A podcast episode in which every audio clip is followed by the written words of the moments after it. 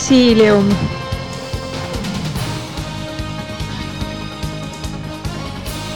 Exilium.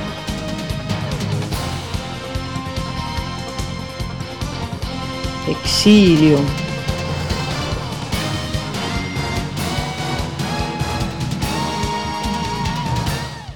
Exilium. Tere tulemast kuulama Eesti Pagulasabi järjekorras juba seitsmendat raadiosaadet Exilium. mina olen saatejuht Madle Timm, täna juhib minuga saadet Eero Janson, Eesti Pagulasabi juhataja, tere Eero! tere! meil on täna eestlastele kindlasti väga südamelähedane teema ja riik, milleks on Gruusia. ja millest me täpsemalt rääkima hakkame? me räägime pärast väikest muusikalist vahepala Äh, alustuseks siis Gruusia üldisest olukorrast. ma arvan, et Eestis ei ole Gruusiat vaja väga pikalt tutvustada, aga hästi põgusalt seda siiski teeme. aga keskendume siiski sisepõgenike olukorrale Gruusias äh, ja kuulame ka äh, mõnda intervjuud ja, ja saate teises pooles räägime siis sellest, mida Eesti Pagulasabi Gruusias teeb veel lisaks väikse diiseri intervjuud on tehtud Eesti suursaadikuga Gruusias Riina Kaljurannaga ja meie kohapealse partneri, partnerorganisatsioonist koordinaatori Katariina Šaritsega. lisaks on meil täna stuudios Eesti pagulasabi humanitaarabi koordinaator Taavet Tomberg. aga enne, kui me kaevume kõikidesse nendesse põnevatesse teemadesse, kuulame esimest muusikapala ja selleks on Goofy Bani Kaukaasia ballaad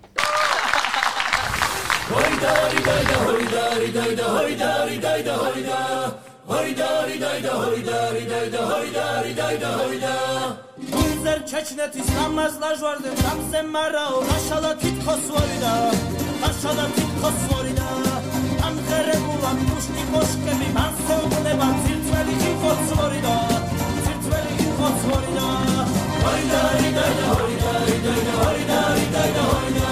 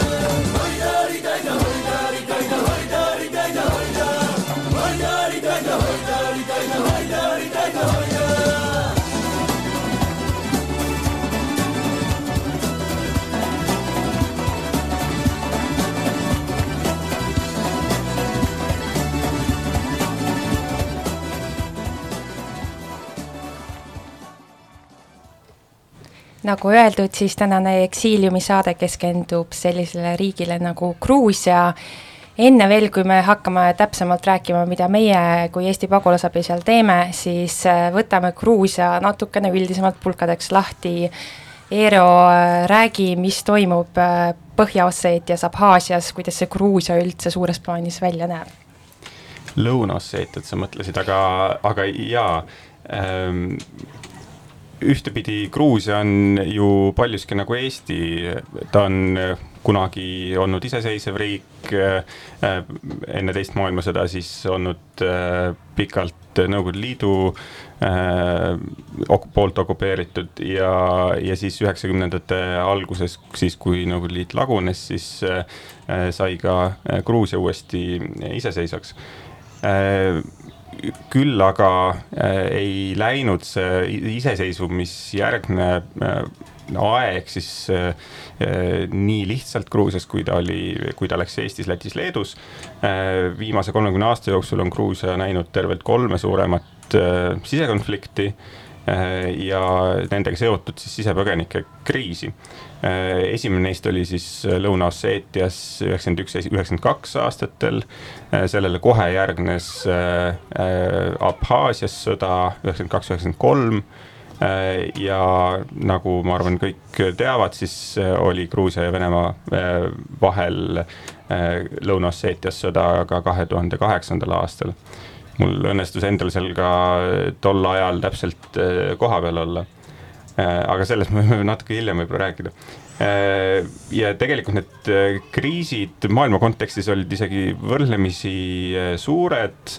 Abhaasiast toona põgenes umbes veerand miljonit inimest, Lõuna-Osseetiast üheksakümnendate alguses umbes kuuskümmend tuhat inimest ja nüüd kahe tuhande kaheksandas, kaheksa, kahe tuhande kaheksandal aastal, kui oli see uus relvakonflikt, siis ligi kakssada tuhat inimest Lõuna-Osseetiast põgenes. Äh, ja, ja kuigi ühel osal inimestest, äh, nii nendest vanadest sisepõgenikest kui ka uutest on äh, õnnestunud oma kodudesse naasta, siis tegelikult tänase päevani umbes veerand miljonit kuni kolmsada tuhat inimest on jätkuvas sisepaguluses ja, ja ega neil väljavaateid oma kodudesse naasta hetkel niimoodi realistlikult vaadates väga palju ei ole no kui sa tootsid välja selle, et äh, kuskil veerand miljonit on ikka veel sisepõgeniku staatuses, mis see Gruusia rahvaarv äh, üldse on? noh, Gruusia on põhimõtteliselt nagu kolm Eestit, kui me mõtleme rahvaarvult, et umbes neli miljonit inimest elab Gruusias. Äh, samas pindala on umbes poolteist korda Eestist suurem, nii et kindlasti rahvastiku tihedus on märksa tihedam. Äh, küll aga kindlasti ei ole Gruusia nii lame, kui seda on Eesti äh, kõrgeim, kõrgeimad tipud on seal lausa viie kilomeetri kõrgused, nii et äh, ta on väga mägine maa ja samas väga mitmekesine, et seal Äh, on, on korraga maas nii lumevaip kui ka siis äh, sub, subtroopiline kliima, nii et ta on mitmekesine. ma arvan, et paljud eestlased on äh, käinud Gruusias ja on, on palju käinud, meie kõik kolmekesi, kes me siin praegu stuudios oleme, oleme seal kõik korduvalt käinud nii ta on, astume veel ühe sammukese lähemale, lähemale ja zoom ime sisse siis sisepõgenike eluolusse ja seda aitab teha Eesti suursaadik Gruusias Riina Kaljurand, temaga tegime intervjuu. kui palju on hetkel äh, Gruusia sisepõgenikud kohalikus meedias pildis? Äh, ega nad väga palju selles mõttes pildis ei ole, et kui nad on pildis, siis, siis pigem seoses mingisuguste probleemidega, mis, mis on tõusetunud, et tõusetunud et kas äh, midagi, mis on seotud põgenike lasteharidusega või nende elukohaga või nende tervishoiuprobleemidega. et selles mõttes ega siin kohalikel omavalitsustel, kus need, kus need põgenikud põhiliselt paiknevad, väga kerge ei ole, et väga tihti neil puudub nagu ülevaade, kui palju neid põgenikke on, missugused on täpselt nende põgenike vajadused ja, ja kuidas siis näiteks, äh, kuhu neid suunata, kui on tarvis tervishoiuteenust või kui on tal tarvis äh, lapsi äh, haridusasutustesse paigutada, et selles mõttes sellised teemad aeg-ajalt tõstatuvad. ja, ja noh, vahel on, on probleemiks ka see, et kui on erinevad etnilised grupid, et kui etniliste gruppide vaheline selline hõõr, hõõrdumine tekib, et, et siis sellest kirjutatakse, aga muidu üldiselt noh, nad kindlasti ei domineeri meediapilti. millised on need peamised väljakutsed, millega sisepõgenikud igapäevaselt äh, kokku puutuvad? no see, see ongi äh, põhimõtteliselt sisepõgeniku jaoks äh, on probleem selles, et et kui neid on kokku riigis no umbes kolmsada tuhat, siis äh, ja see on nüüd äh, kõik, kõik nii vanemad kui lapsed, et võib-olla kuskil seal üheksakümmend tuhat leib, äh, leibkonda ja pooled neist on, on registreeritud ja, ja siis pooltel äh, ei ole sellist äh, konkreetset elukohta, nad ei, nagu ei ole registreeritud kuhugi sisse äh,. Andmebaasid äh, vahel kattuvad, vahel nad on sisse kirjutatud kaks korda, vahel ei ole üleüldse sisse kirjutatud ja see loomulikult tekitab neile äh, endile väga-väga suuri probleeme, mis puudutab nende heaolu ja, ja nagu ma just ennist mainisin, et needsamad teenuste kättesaadavus on kannat-, kannatab ju seetõttu, et kui, kui neid ei ole kusagil registris, siis, siis öeldakse, et aga teid ei ole ja me ei ole arvestanud teiega ja meil ei ole teile mitte midagi pakkuda. kas ja kui palju sõltuvad äh, needsamad äh, sisepõgenikud äh, välisest humanitaarabist? väga palju sõltuvad. tegelikult äh, Gruusia saab päris, päris palju humanitaarabi ja, ja siinsed rahvusvahelised organisatsioonid, ähm, ÜRO, ÜRO põgenikeorganisatsioon, ähm, igasugused väiksemad äh, mitte, või tähendab valitsusvälised organisatsioonid, kõik, kes nendega tegelevad, püüavad äh, tegelikult katta kogu seda sisepõgenike spektrit, et mitte ainult neid, kes on korralikult registreeritud, aga nad püüavad jõuda ka sinna, kus see häda on kõige suurem et, äh, et see nii-öelda humanitaarabi kogus, mis siia tuleb, on päris märkimisväärne ja, ja see on kasvanud ka loomulikult seoses pandeemiaga. Et väga palju on nagu otseselt pandeemiaga seotud äh, sellist humanitaarabi. kas see on äh, piisav või, või vajaks Gruusia tegelikult kordades rohkem sellist abi? ma arvan, et siin ei ole isegi niivõrd äh, ähm, nagu küsimus sellest, et, et kas seda on juurde vaja, sest küsimus on selle kohapealses jaotuses ja, ja selles, et kuidas seda humanitaarabi äh, kasutatakse, kas jätkusuutlikult, kas, kas seda kasutatakse mingisuguste äh, jätkusuutlikumate süsteemide ülesehitamiseks või see läheb lihtsalt igapäevaseks äh, eluks oluks, et, et see on, on ka selline noh, noh, see on põhi, põhiküsimus et mitte see humanitaarabi suurus võib-olla, et ma arvan, et, et seda on piisavalt, eriti kui võrrelda teiste riikidega, võib-olla, kes seda rohkem vajaksid. Sellest äh, tulenevalt ka järgmine küsimus, et, et mida saaksid need organisatsioonid, kes praegu seda abi pakuvad, äh, paremini teha just selleks, et kogu see asi oleks võib-olla jätkusuutlikum või ei tekiks neid probleeme, mis seal praegu on äh, abi pakkumisega tekkinud? no no kindlasti tuleb äh,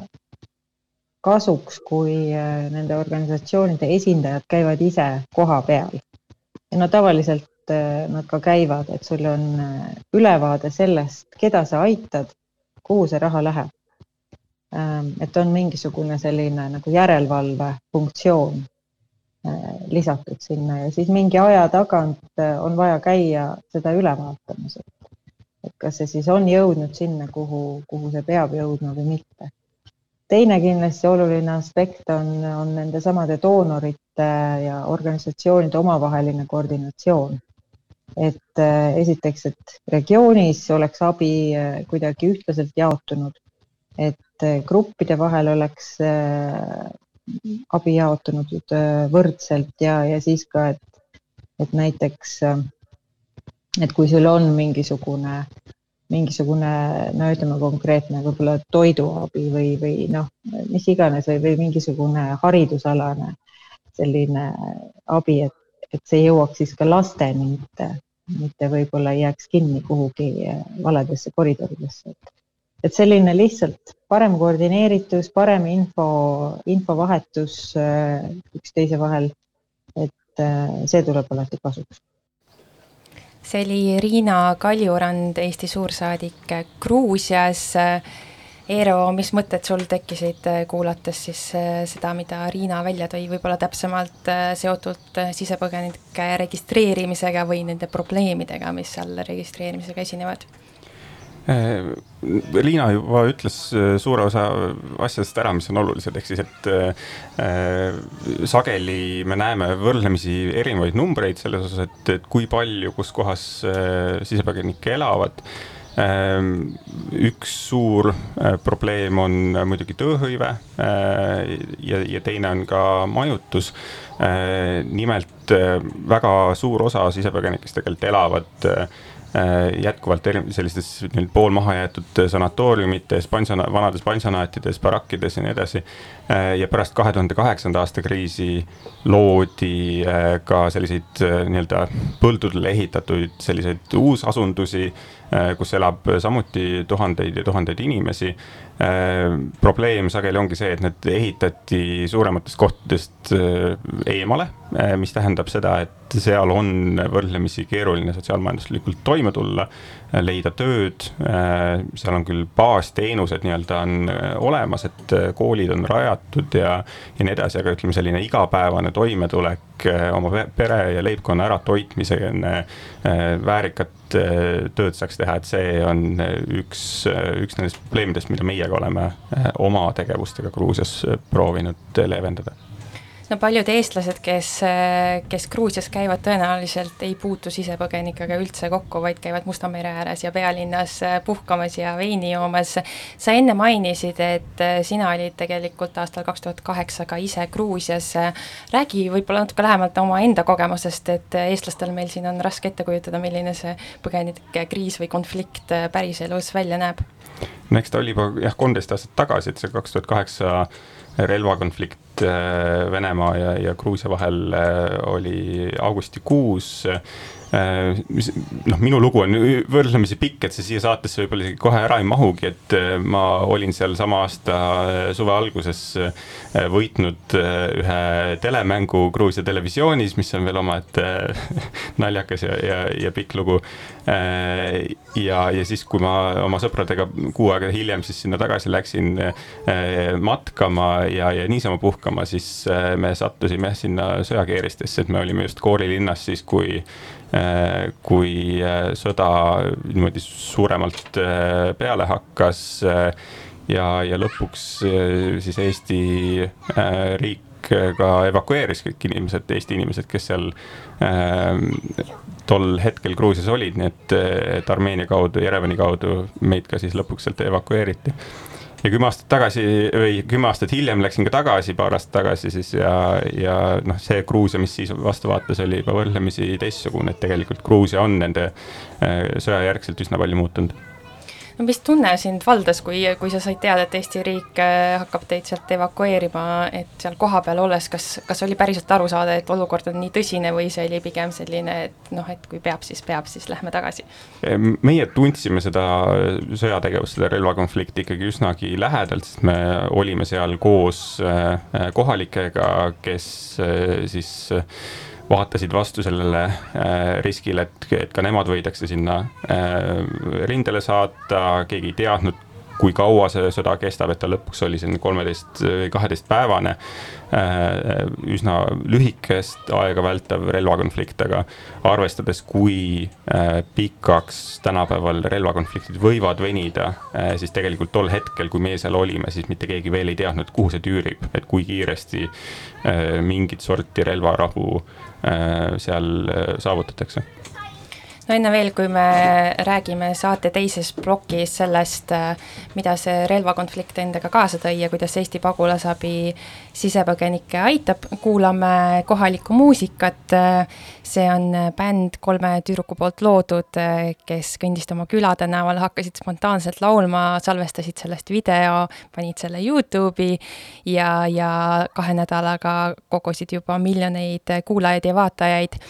bändi nimeks on Trio Mandili ja looks on Kakuri. väga vajalik.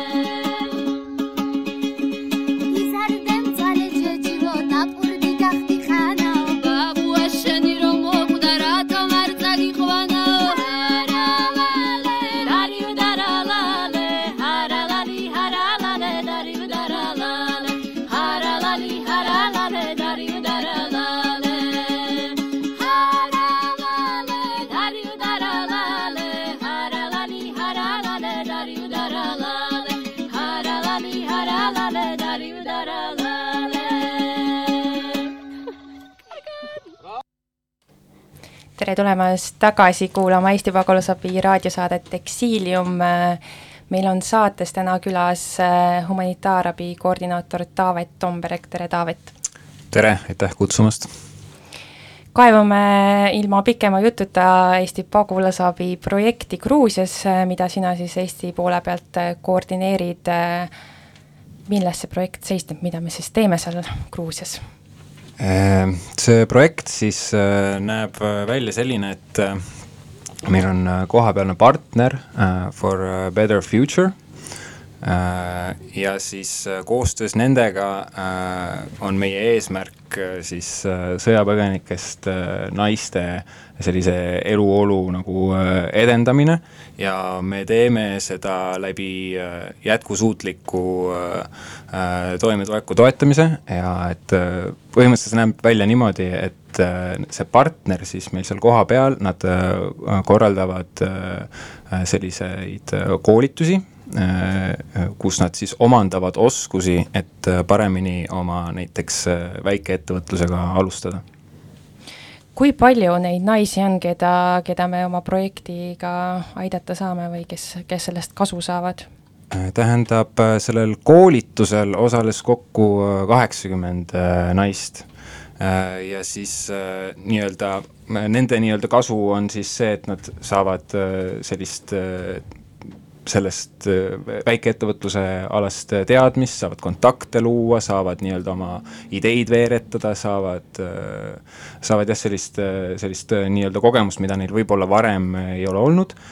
ja siis meie projekt siis näeb ette seda, et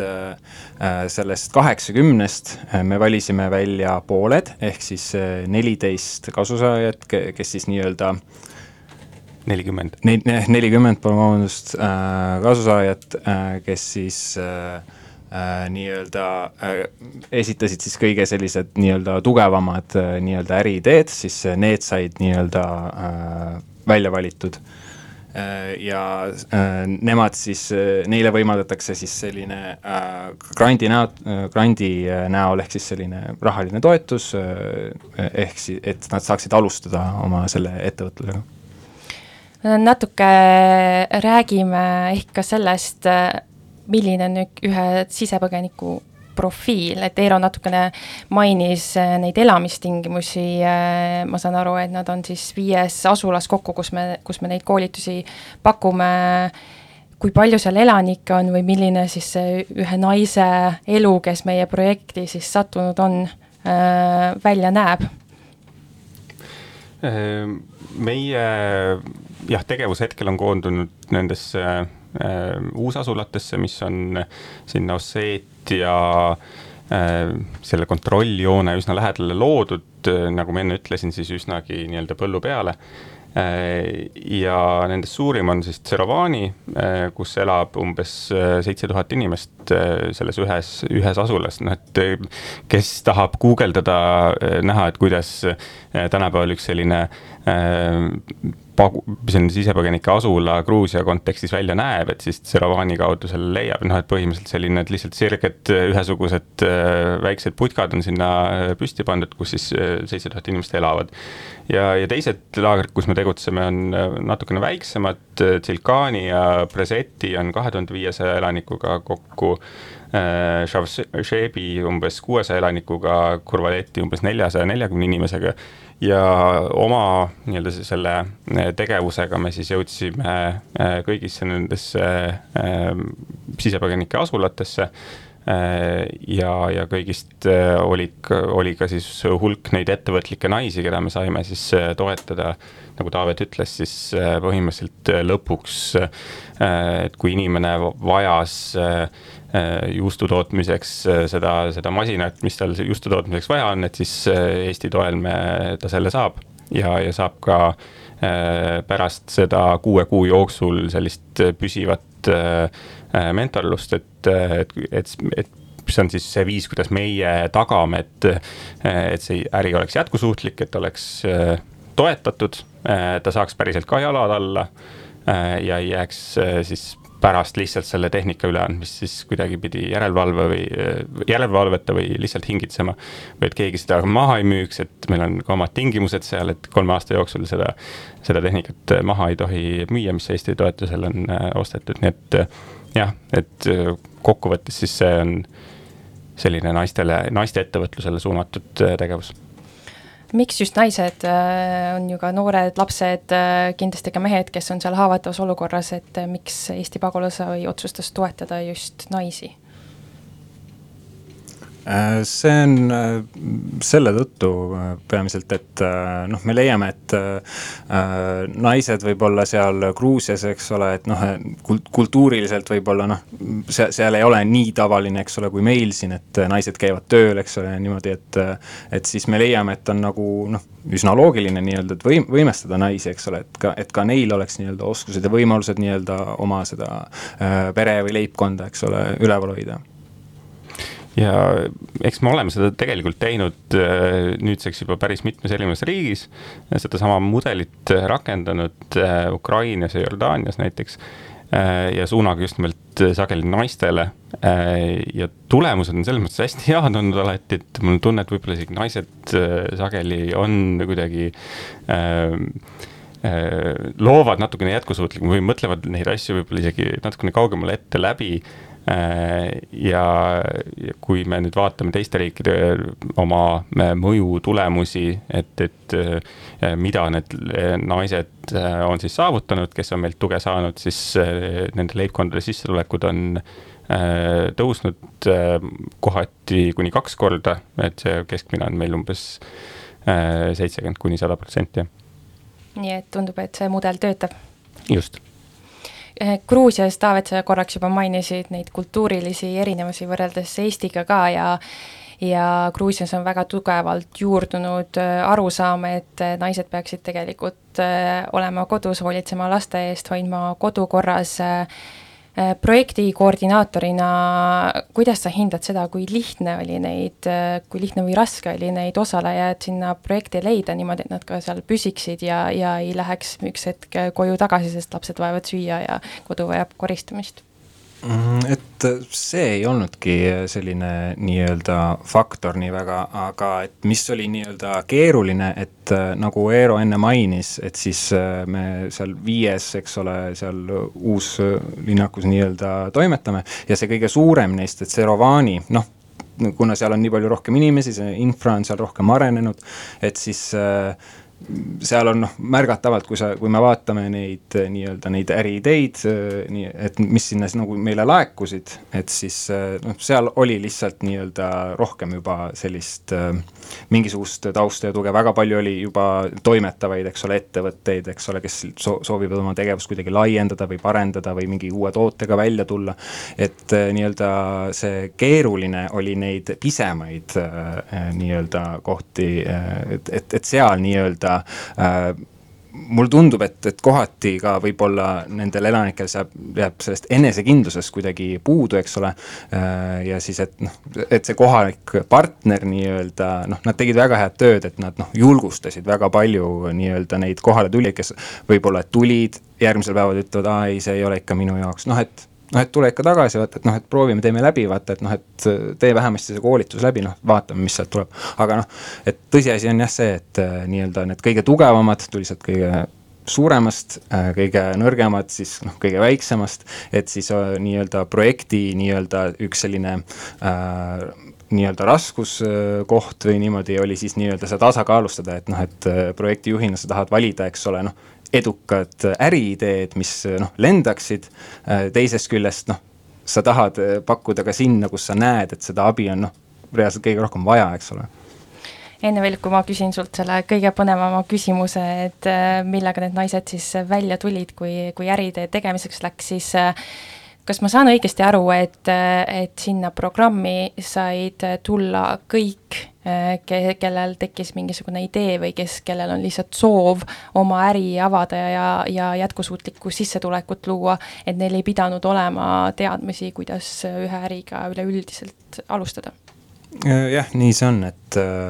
et nii-öelda seal tuli välja noh, täiesti erineva profiiliga nagu inimesi, et kes on nagu teinud, tegelenud varem nagu noh, äritegevusega, teavad, mis asi on äh, eelarve äh,, siis oli inimesi, kes on väga kaua tegelenud, eks ole, millegagi äh,, aga noh, ei tea sellest ärilisest poolest mitte midagi näiteks, ja siis oli äh, noh, lihtsalt inimesi, kellel on nii-öelda just, et näiteks sealt Serovani kandist, eks ole, kes võib-olla nagu teavad võib-olla, kuidas neid asju teha, noh, mingi sotsiaalmeediat kasutada ja nii ja naa, aga et noh, pole kokku puutunud kunagi noh, mingisuguse asjaga, et, et mida nad ise võiksid teha ja nagu ma enne ütlesin, tegelikult siis noh, üks neid suuremaid probleeme nendes asulates ongi just nimelt tööpuudus. ja tegelikult selle, läbi selle ettevõtluse toetamise, just nimelt sellise mikro- ja väikeettevõtluse toetamise me saame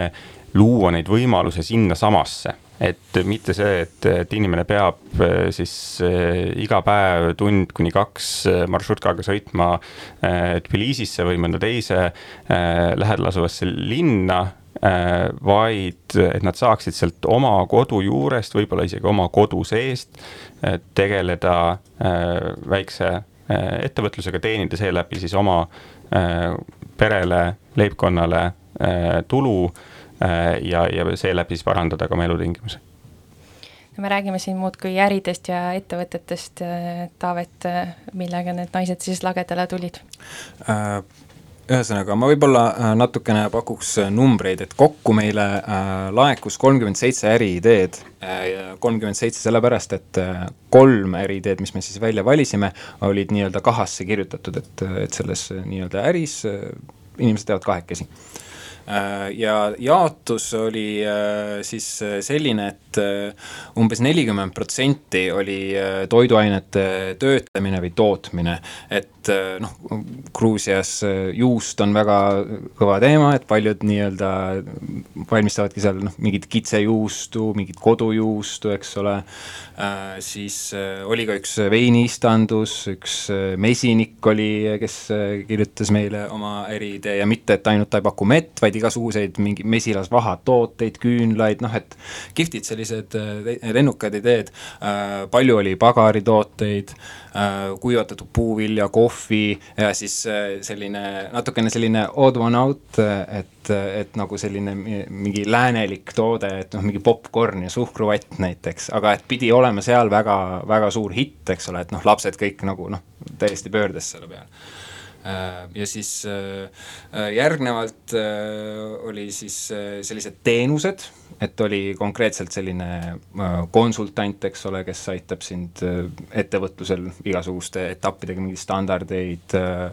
taotleda, teha auditit, eks ole, hambaarst, kingsepp, koopiakeskus, ilusalongid, üks selline lahe, mis mulle endale meeldis, oli koerte hotell ja siis äh, selline turi-, turistidele suunatud äh, sellised tooted, äh, noh, print, selline prindiga särgid ja, ja kruusid. käsitööd oli umbes kakskümmend protsenti, et siis erinevad õmblustöökojad, ehted, keraamika ja siis üks, mis mulle meeldis, oli sellisest second-hand riietest nii-öelda täiesti uute nii-öelda asjade tegemine ja äh, põllumajandust äh, oli äh, veidi alla kümne protsendi, et, et noh, selline kas seakasvatus või, või, või siis kanakasvatus, et noh, et lihaks ja, või, või siis munade müük. nii et väga seinast seina kuulan ja imestan samamoodi, et väga loomingulised inimesed elavad Gruusias uurin veel rahastuse kohta, et äh, ma saan aru, et kõik need ideed, mis sa praegu välja tõid, äh, said ka meie poolt lõpliku jaa, et me neid toetame neid mentordame. kas see, see toetus, mis me neile an-, anname, äh, on neile ka piisav selleks, et alustada ja seda kogu äri siis ka töös hoida või nad peavad ka enda algkapitali omama? Noh, tingimusena seda nagu seatud ei olnud, et äh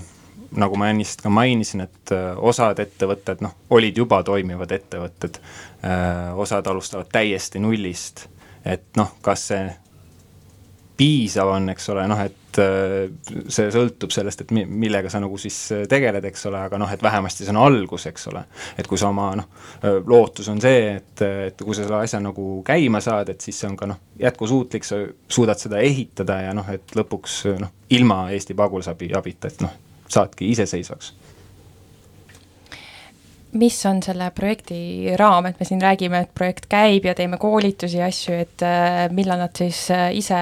täiesti alustada saavad, et äh, kui nad need asjad nüüd varsti kätte saavad? Jah, see protsess praegu käibki, et hetkel nii-öelda viimased äh, asjad, äh, nii-öelda need ettevõtjad siis saavad kätte, lepi-, äh, sõlmitakse lepingud ja siis nüüd kümnendal juunil hakkavadki mentorid nendega tööle, et siis on see, järgneb nii-öelda see kuuekuuline selline mentorlusprogramm. juulikuusse on planeeritud selline mm, turundusworkshop Äh, ja jah, äh, nii-öelda niimoodi nad toimetavad nendega ja siis, et seal projekti lõpus siis äh, saame noh, loodetavasti näha ägedaid, ägedaid tooteid ja edukaid ettevõtteid. saame tibusid lugeda. saame tibusid siis aasta lõpus lugeda, ma saan aru mm. -hmm. kuulame vahepeal ka meie Gruusia partneri äh, poolset nägemust sellest, äh, mis toimub, äh, kuna nemad on ka need, kes tegelikult kohapeal neid koolitusi läbi viivad äh, ja selle intervjuu lõpus Ekateriine Šaritse, kes on siis For Better Future poolne koordinaator, räägib ka ühe, ühe sisepõgeniku loo või tema tausta, kuidas tema siis meie programmi sattus, nii et kuulame intervjuud Our organization for Better Future was established in 2009, right after the war of 2008 with Russia. So uh, our primary idea was to support uh, IDP women and youth through providing some professional development trainings and peace building skills. But later we realized that we could work not only for internally displaced population, but for the whole region. So since 2017, we became the regional hub and we are working with all the inhabitants who were living in the region. And plus, few years ago, we also covered the nearby regions, for example, Shida Kartli region, which we are working even right now and implementing the project together with the Estonian Refugee Council. What are the main challenges one women in Georgia and especially the IDP women in Georgia faces? Uh, one of the main challenges, not only for women but for, for, for the inhabitants of Georgia, is the employment problems, especially when you are IDP and when you are woman. It's hard to get employed in. Uh, and get employed in the job market so mostly they um, face this kind of challenges I mean, employment is the biggest challenge for them. Let's talk about our project. Uh, what kind of business ideas uh, did they come up with? Some of the women had an idea to uh, have a sewing um, corner let's say. They wanted to open this business. Some of them already had it but some of them just had an idea of trying their skills in it. Also some uh, women decided to have the diary products as their business because they already had this kind of experience. Um, also bakery shops and some small shops were opened uh, within the frame of the program. I mean, they applied for it. Also, one of the business that was very interesting was the um, outsource uh, company that provided the financial audit and uh, as she has an experience of it it's quite um, interesting for us and also women decided to open some small beauty salons and some of the women are also in the field of agriculture. Mm-hmm. and uh, mostly such kind of businesses um, business ideas uh, we received. Also winery is one of the business idea that was financed and we're looking for uh, looking forward to see the results. Mm, yeah i guess these are the business ideas what is the biggest motivation for you to lead that kind of project? Um, to see the results at first, to see how um, uh, these our beneficiaries are changing and uh, what kind of motivation they had before and what kind of motivation they have now and also to hear the um, and to see their happy faces um, at the training and even after the training. I mean, when I see a little changes and also realize that um, I'm somehow the part of it, this is a very good feeling, and uh, this is what I appreciate the most we had the participant her age was she was 70 years uh, old around. And on the last day of the training she told us her story. And she said that uh, in her very early ages she was living in Tskhin Valley which is occupied right now after several um, mm, conflicts. Uh, so she decided to go to um, northern Caucasus and there she started her just a very small businesses like going to the market and selling some diary products. She said that at first she was um, giving them as a gift like to the uh, sellers in the marketplace. So suddenly, then she started to add a little uh, price on it, and she said that she managed to gather around two thousand uh, dollars in few months. And she already she also told us that you know it was not just so little amount of money at that time. So when her relatives convinced them to go back to Georgia because the conflict was like mm, more or less um, over, she decided to come back to Georgia. But uh, a few years later, 2008 conflict happened, and she had to displace again. Um, in the other part of the Georgia. So even this occasion could not stop her. And in that IDP settlement, she managed to open the shop and she uh, like leads that business for uh, more than like nine years. So it was very inspirational for me and like uh, also heart touching because we could not just listen to it without some tears. And we were also shocked how um, i don't know strongly she was um, expressing her uh, story. I mean how strongly she was telling uh, all this story to us see oli Ekaterina Šaritše, kes rääkis meile siis, äh, milline oli tema üks inspireerivamaid äh, kogemusi osalejatega. Taavet, äh, kas sinul on ka mõni eriti üllatav või eriti selline lemmik äriidee, mis sulle silma jäi? jah, on küll, et et äh, kui Ekateriinel on selline täiesti nagu vahetu kogemus, eks ole, et ta äh, nii-öelda on neid inimesi ka päriselt näinud, siis minul siiamaani, eks ole, mina olen neid äriideesid lihtsalt noh, paberi pealt, eks ole, lugenud. aga et üks idee mulle väga meeldis, äh, see oli siis idee teha second-hand riietest nagu täiesti uued asjad ja teha, noh, luuagi oma nagu riidebränd omade disainidega, et see oli nagu väga, väga kihvt oli seda lugeda, et et äh, kaks noort naist äh, on nagu no neil, neil oli see nagu visioon olemas, et noh, mina nagu nägin sealt paberi pealt, ma lugesin seda entusiasmi nagu välja, mis neis nagu oli. et see oli kohe esimene asi, mis mulle silma hakkas, aga mitte ainult, et neil oli, neil oli ka ülejäänud asjad välja mõeldud, et neil on mingi oma kuller, ülejäänud asjad nad saadavad äh, Gruusia postiga, eks ole, et noh, et ikka mitte seal oma nii-öelda kohalikus äh, külakeses, vaid et ikka noh, üle riigi ja et äh, online pood ja et kõik asjad olid noh, sellised noh, grandioosselt nii-öelda äh, läbimõeldud, et, et noh äh, et need teised nii-öelda äriideed, noh, et oli väga palju selliseid noh, traditsioonilisi nii-öelda selliseid äh, näiteid, et mulle just see nagu meeldis, et nad nagu äh, võtavad justkui ühe ressursi, mida seal on, nii nagu ma aru sain, on seal palju siukseid second-hand poode ja siis loovad sellest mingi täiesti uue asja, ma mõtlen, et kui see mingi õigesti hästi turundada, eks ole, et äh, mis nad seal tahtsid teha, mingisuguseid neid selliseid poekotte mingi äh, kubistlikus stiilis, eks ole, et noh, et siis mulle tundub, et noh, et sellega võib noh, väga täkkesse panna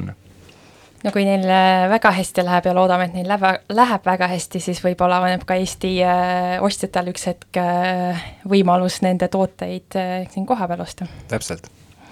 Eero, Taavet enne mainis ka üheks edukuse indikaatoriks ja tegelikult ma arvan, et see on ka peamine indikaator,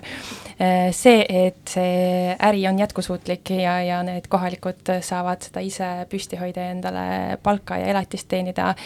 mille põhjal te veel otsustate, et see äri on edukas? meie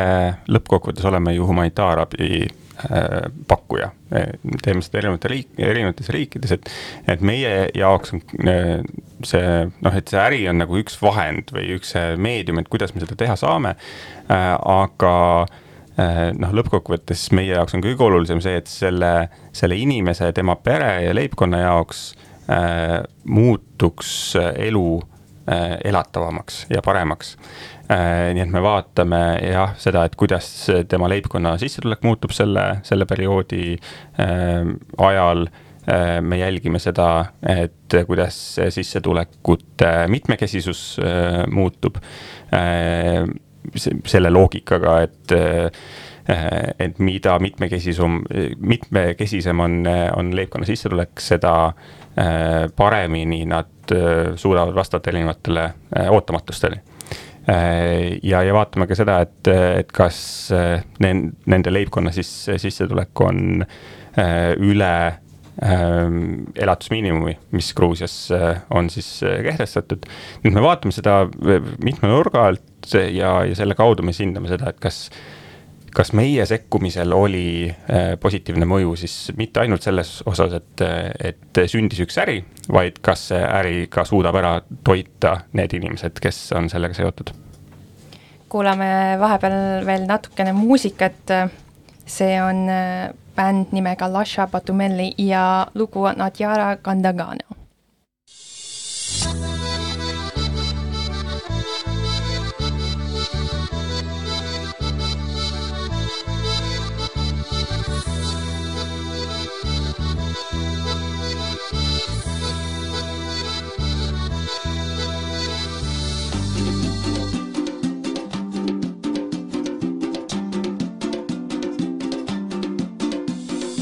ალსნაფოტი ჩამოქონდა ალვისხის ჩამონათალი. ადეკნაფოტომი ამბე საყვარი შემონათვალი ანანანინინაო თანინანინანინაო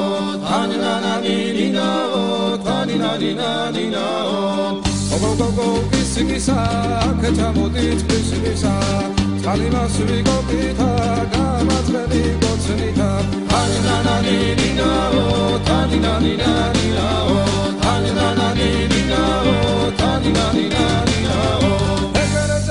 წყარო მოდის ნავის ველიდან მოდის გოგონე გადალამაზი ხარ თავი სულია მოდის ულოზედან კედნები ჩემში გონის დედნები ლამაზებს რომ დევინახავ ვერ მოსავიდი დავდნები ეე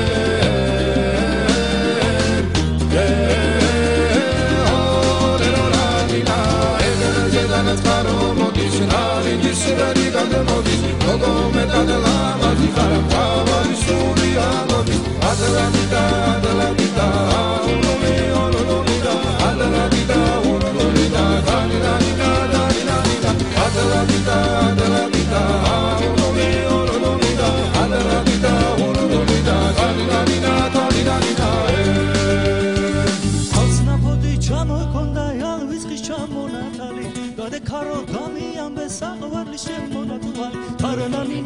milano tarana mila milano tarana mila milano tarana mila milano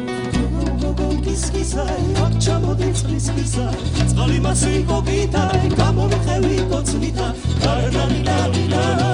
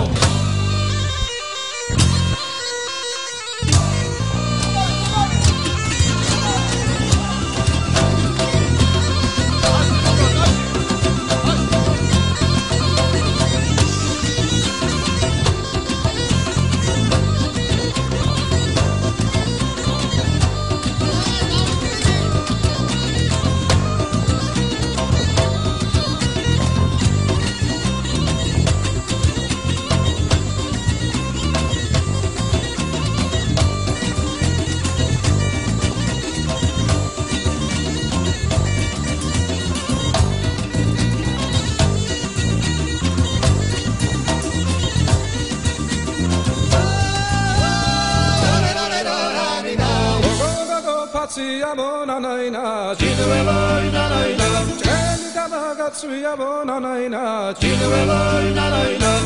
Aditiro sakabaredo na na na Chinuelo na na na Sabalada ise volemu ale na na na Chinuelo na na na meie saade hakkab vaikselt äh, lõpupoole jõudma. Eero, äh, küsimus sulle, miks te valisite Gruusia selleks riigiks, kus abi osutada? Me, Eesti pagulasabi pakub äh, abi siin ja seal äh, ja ütleme, see meie äh, tingimused, et mis peavad olema täidetud selleks, et me uude liiki äh, siseneksime, me ei tee seda kergekäeliselt äh,. sest kui me kuhugi lähme, me tahame olla seal äh, nii-öelda pikem, pikemat aega äh, ja ühtepidi see on, need on need vajadused äh, ja, ja meie tegevuse keskmes on, on pagulane või sisepõgenik või ütleme, inimene, kes on olnud sunnitud oma koduriigist lahkuma äh, või kodu, kodust, kodupiirkonnast lahkuma. Äh, ja Gruusias on selgelt äh, suured vajadused. et need sotsiaalmajanduslikud olu-, olukorrad, mida me enne ka, millest me enne rääkisime, et, et need on need põhjused, miks me siin läksime sinna, noh Gruusia teistpidi muidugi on ka lihtsalt Eestile niivõrd lähedane riik. meil on pikad ajaloolised suhted, samamoodi nagu me ka kunagi kahe tuhande neljateistkümnendal aastal Ukrainas alustasime, ta on meile geograafiliselt lähedane. ütleme ka geopoliitiliselt lähedane, eks ole nii et jah, et, et, et miks me ei lähe mõnda teise riiki, aga läheme Gruusiasse, siis vajadused ja,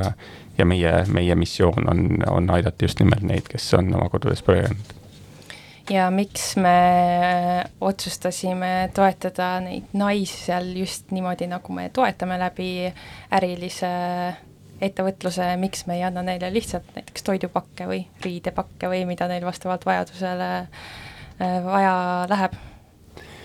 Üks äh, selline äh, noh, põhimõte, millega me ikkagi püüame toimetada, on, on see, et et need sekkumised, mida teeme, et kui vähegi võimalik, võiksid need olla jätkusuutlikud. Ähm, on olukordi, kus on äh, täiesti õigustatud äh, anda äh, inimesele toidupakk, eriti kui on tegemist sellise nii-öelda vahetu akuutse kriisiga, turud ei toimi, inimesel endal ei ole võimekust või, või võimalust siis omale toitu või, või muid esmatarbekaupu osta, on, on täiesti õigustatud anda neid asju siis humanitaarabi korras asjadena kuid äh, kogu see humanitaarabimaailm tegelikult liigub sinna suunas, et, et kui vähegi võimalik, kui turud toimivad, äh, kui on piisav rahuolukord või piisav stabiilsus, siis teha neid sekkumisi just nimelt selliseid jätkusuutlikumaid Äh, meetodeid kasutades, et me äh, aitame inimestel jätkusuutlikult toime tulla, mitte ainult äh, ei anna seda ühekordset abi, nii et, et see vana ja võib-olla natukene kulunud metafoor, et noh, et anname või ütlemine, et, et anname parem õnge kui kala. kindlasti meie ka humanitaarabi sekkumiste puhul vastab tõele Taavet, sulle veel viimane küsimus, kuna sa oled äh, selle Gruusia projekti, projektiga väga otseselt seotud, siis äh, mainisid enne kultuurilisi erinevusi, kas äh, grusiinidega on, kuidas nendega projekti teha on, kas kõik läheb äh, sujuvalt ja ladusalt? seni äh, võib öelda, et läheb küll ladusalt, et äh,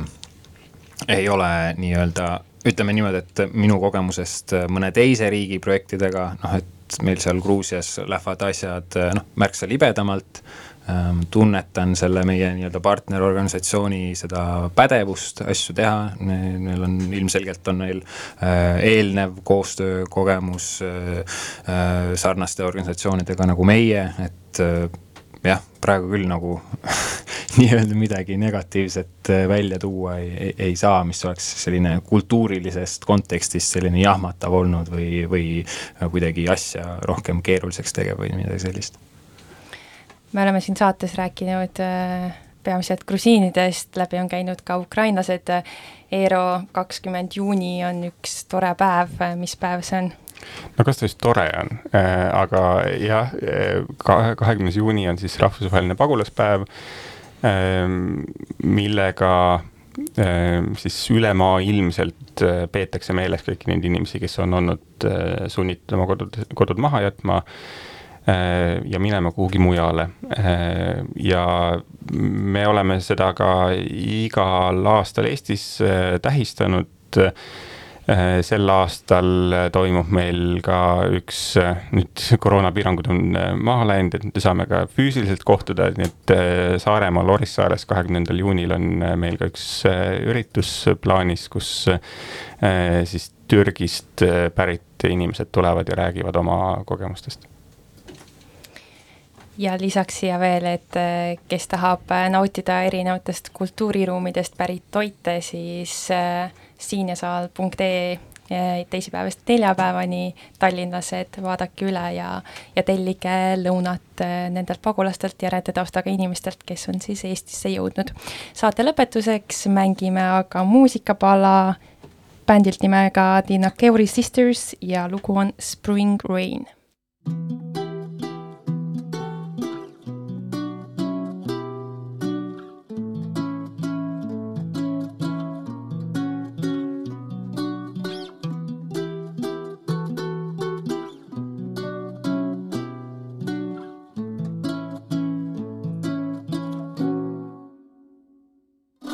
გაზაფხულის წვიმამი და მე აპრილის თქეში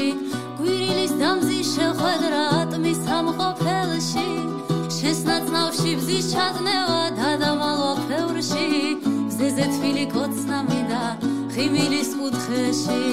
შესაძლავში ბზის ჩადნევა გადამალვა ხევრში